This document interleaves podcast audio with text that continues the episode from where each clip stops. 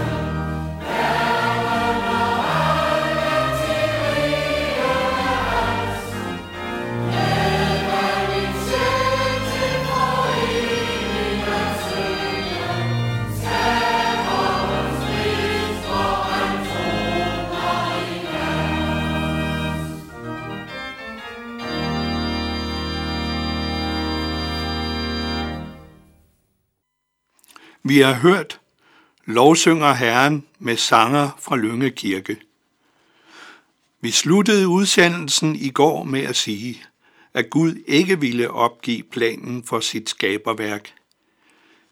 Bibelen beskriver på dramatisk vis, hvordan menneskeslægten udvikler sig efter syndefaldet. Den er præget af så stor ondskab, at Gud beslutter sig for at gribe ind og udrydde den på nær den fromme mand Joas, Noahs familie.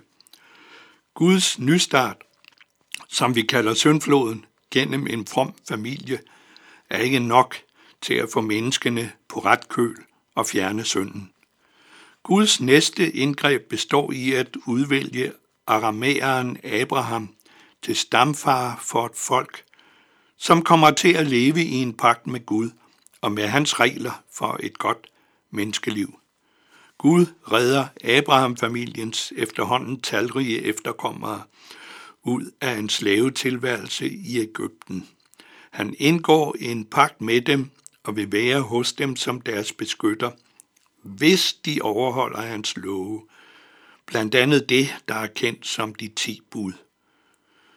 Guds love er forudsætningen for fællesskabet, som består i, at han bliver anerkendt og tilbedt som folkets Gud og beskytter. Og lovene udtrykker samtidig Guds ønske om at fremme retfærdighed i en verden, der samtidig er præget af menneskenes syndighed. Reglerne skal være basis for et samliv med Gud, og det er regler, der skal give menneskene de rette forudsætninger for et fredeligt og harmonisk samliv, der fremmer retfærdighed i verden. Vi skal nu se nærmere på, hvordan Guds ønsker om retfærdighed afspejles i lovgivningen. Her skældner vi igen mellem forholdet mellem Gud og mennesker og forholdet mennesker imellem. Hvad angår forholdet mellem Gud og mennesker, så er Moselovene præget af Guds bestræbelse på at komme syndige mennesker til hjælp. Det sker ved at indføre offerordninger, som giver mulighed for at zone det enkelte menneskes og hele folkets synder. På den måde tilbyder Gud en mulig vej til at knytte bånd til Gud, så han trods syndefaldet kan være hos sit folk som dets beskytter. Det giver han bevis på ved utallige lejligheder, hvor han befrier eller beskytter folket mod angreb fra dets mange naboer. Med hensyn til forholdet mennesker imellem består Guds retfærdighed blandt andet deri, at reglerne navnlig skal beskytte den svagere mod den stærkere, og at de gælder for alle. Selv kongen er underlagt Guds bud. Vi finder i 3. Mosebog en generel regel om retfærdighed i forholdet til næsten, munde ud i kravet om ligefrem at elske næsten. Det er 3. Mosebog kapitel 15. I må ikke øve uret i retssager. Du må hverken tage parti for den fattige eller begunstige den rige. Du skal dømme din landsmand med retfærdighed. Du må ikke løbe med sladder om din landsmand. Du må ikke stræbe din næsten efter livet. Jeg er Herren. Du må ikke nære had til din bror i dit hjerte, men du skal åbent gå i rette med din landsmand, så du ikke pådrager dig skyld. Du må ikke hævne dig på dine landsmænd eller bære nag til dem. Du skal elske din næste som dig selv. Jeg er Herren. 5. Mosebog I 5. Mosebog finder vi en lang tale, som Moses holder for Israels folk på vejen ind i det forjættede land. Moses fremhæver, hvor vigtigt det er at holde reglerne. Jeg citerer fra kapitel 6.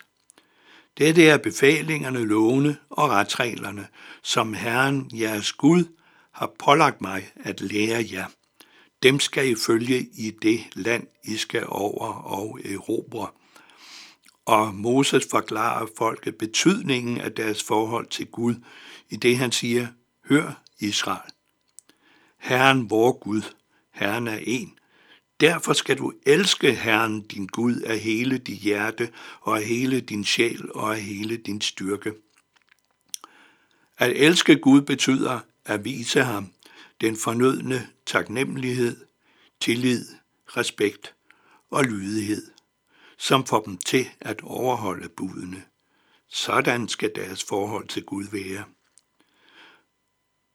For begge de nævnte relationer, altså menneskers forhold til Gud og forholdet til næsten, kan vi sige, at kernen i reglerne er et krav om, at menneskets adfærd skal være båret af kærlighed. Guds eget forhold til mennesker er præget af kærlighed, hvorfor han også ønsker denne kærlighed afspejlet i sit Guds folk. Det udtrykkes på den måde i 3. Mosebog, som vi før citerede fra, at Gud siger til folket, at de skal være hellige, ligesom Gud selv er det. Det hebraiske ord for hellig, kadosh, betyder egentlig, at noget er sat til side, er adskilt fra andet. I vores tilfælde skal folket som helligt, helligt adskille sig fra andre folk, og, som man også kan sige, være helliget Gud. Det skal som folk demonstrere, hvem Israels Gud, denne verdens skaber, er. Og det skal give afkald på alt slags hedenskab og afspejle Guds karakter som god og kærlig, så vidt folket formår. I 5. Mosebog kapitel 4 møder vi Moses egen generelle beskrivelse af lovene som gode og retfærdige. Hør bare her. Så se, nu lærer jeg jer love og retsregler, sådan som Herren min Gud har befalet mig. Dem skal I følge i det land, som I skal ind og tage i besiddelse. I skal følge dem omhyggeligt. Så vil andre folk få øjnene op for hvad jeres visdom og indsigt, for når de hører om alle disse love, vil de sige, hvor dette store folk dog er et klogt og forstandigt folk. Hvor er det folk, det vil altså så nok så stort, der har sin Gud så nær, som vi er Herren vor Gud, hver gang vi råber til ham? Og hvor er det folk, det vil altså så nok så stort, der har så retfærdige love og retsregler, som hele denne lov, jeg i dag lægger frem for jer. Er også senere tider så positivt på lovene, ser vi i salvernes bog i salve 119. Den er en meget lang hyldesalve til Guds love. De bliver betragtet som en gave til folket. Som Guds udvalgte folk havde det fået klare retningslinjer for, hvilke krav Gud stillede til det. Derved havde de mulighed for at have fællesskab med og beskyttelse hos den almægtige skaber, og de fik i historiens løb bevis for, at Gud beskyttede sit eget folk og fældede dom og straffede de hedenske folk. I morgen skal vi se på reglerne om forholdet til næsten, som Gud har sagt, de skal elske. Må Gud velsigne din dag. Vi skal nu høre Giv mig Gud en salme tunge med gruppen Himmelblå.